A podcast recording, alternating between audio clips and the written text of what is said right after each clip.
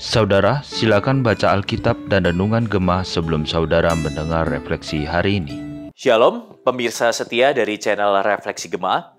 Pada hari ini tanggal 13 Oktober tahun 2022, kita akan kembali bersama-sama membaca, merenungkan, dan merefleksikan bagian firman Tuhan di dalam Alkitab dengan satu tema, penyertaan Allah dalam pembangunan. Tetapi sebelum itu, marilah kita berdoa terlebih dahulu. Mari kita berdoa. Tuhan Allah Bapa, kami sungguh bersyukur kalau Tuhan begitu baik di dalam kehidupan kami. Sehingga pada hari ini kami masih terus diberikan kesempatan untuk kami bisa membaca firman Tuhan dan kami juga bisa merenungkan akan firman Tuhan itu. Dan biarlah Tuhan, firman Tuhan yang nanti akan kami baca dan kami renungkan ini bisa menjadi berkat bagi setiap kami untuk kami boleh semakin bertumbuh di dalam iman kami. Kami serahkan waktu pembacaan dan perenungan firman Tuhan pada hari ini ke dalam tangan Tuhan. Di dalam nama Tuhan Yesus Kristus kami sudah berdoa dan mengucap syukur. Amin. Jemaat Tuhan yang terkasih di dalam Tuhan, saat ini bacaan kita diambil dari Hagai pasal yang kedua. Saya hanya akan membacakan mulai dari ayat 2 sampai 10 saja, tetapi saya tetap mendorong Bapak dan Ibu bisa melanjutkan pembacaan Hagai pasal 2 ini sampai di ayat yang ke-24. Demikian bunyi firman Tuhan. Dalam bulan yang ketujuh, pada tanggal 21 bulan itu, datanglah firman Tuhan dengan perantaraan Nabi Hagai. Bunyinya, Katakanlah kepada Serubabel bin Sealtiel, Bupati Yehuda, dan kepada Yosua bin Yosadak, Imam Besar, dan kepada selebihnya dari bangsa itu demikian. Masih adakah di antara kamu yang telah melihat rumah ini dalam kemegahannya semula? Dan bagaimanakah kamu lihat keadaannya sekarang? Bukankah keadaannya di matamu itu, di matamu seperti tidak ada artinya? Tetapi sekarang kuatkanlah hatimu, hai Zerubabel, Demikianlah firman Tuhan. Kuatkanlah hatimu, hai Yosua bin Yosadak, imam besar. Kuatkanlah hatimu, hai seluruh rakyat negeri. Demikianlah firman Tuhan. Bekerjalah, sebab aku ini menyertai kamu. Demikianlah firman Tuhan semesta alam. Sesuai dengan janji yang telah kuikat dengan kamu pada waktu kamu keluar dari Mesir.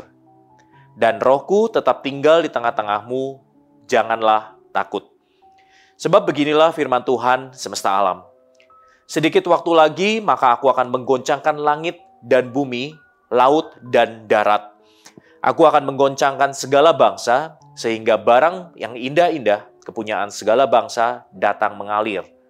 Maka aku akan memenuhi rumah ini dengan kemegahan, firman Tuhan semesta alam. Kepunyaankulah perak dan kepunyaankulah emas. Demikianlah firman Tuhan semesta alam. Adapun rumah ini, kemegahannya yang kemudian akan melebihi kemegahannya yang semula, firman Tuhan semesta alam. Dan di tempat ini aku akan memberi damai sejahtera. Demikianlah firman Tuhan semesta alam. Jemaat yang terkasih di dalam Tuhan, pembangunan kembali bait suci sekali lagi menemui halangan dari umat Yehuda sendiri. Mereka merasa bait suci yang mereka bangun tidak ada artinya dibandingkan bait suci yang dibangun oleh Raja Salomo.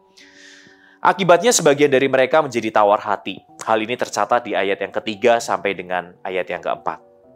Sebagai respon, Hagai menyampaikan tiga janji Allah. Janji yang pertama ditujukan kepada Bupati Serubabel dan Imam Besar Yosua, bahwa Allah menyertai mereka. Oleh karena itu mereka tidak perlu takut karena kuasa Allah akan menolong dan memampukan mereka. Dan hal ini bisa dibaca di ayat yang kelima dan ayat yang keenam. Lalu Allah juga berjanji untuk menyertai pelayanan Serubabel dan meninggikannya di antara segala bangsa. Lalu janji yang kedua berkenaan dengan bait suci yang akan mereka bangun. Meskipun apa yang mereka kerjakan kelihatan kecil dan tidak megah, Allah akan membuatnya lebih megah dari yang semula. Allah juga akan menjadikannya sebagai sumber damai sejahtera bagi segala bangsa. Hal ini tercatat di ayat yang ke-7 sampai dengan ayat yang ke-10. Lalu janji yang ketiga ditujukan kepada seluruh umat Yehuda bahwa Allah mengingat pekerjaan mereka dan memberkati mereka. Pada hari mereka memulai pekerjaan, Allah sudah membuka pintu pintu berkat bagi umat Yehuda. Selain menyampaikan ketiga janji tersebut, Hage juga menegur sekelompok umat Yehuda untuk mereka terlebih dahulu meninggalkan kecemaran hidup mereka, supaya hasil pekerjaan mereka tidak menjadi najis. Hal ini Bapak Ibu bisa baca di ayat yang ke-11 sampai dengan ke-15. Dari peristiwa di atas mengajarkan kita akan tiga hal. Yang pertama, Allah berjanji menyertai kita dalam segala keadaan. Allah berjanji kepada umatnya, rohku tetap tinggal di tengah-tengahmu, janganlah takut. Jika Allah menyertai, kita dapat mengalahkan segala kesulitan dan tantangan. Pertanyaannya selama ini, apakah Anda mengandalkan Tuhan atau Anda mengandalkan kehebatan, kekuatan, dan kepintaran sendiri? Lalu hal kedua yang bisa kita pelajari, Allah tidak ingin kita membanding-bandingkan pelayanan kita dengan orang lain.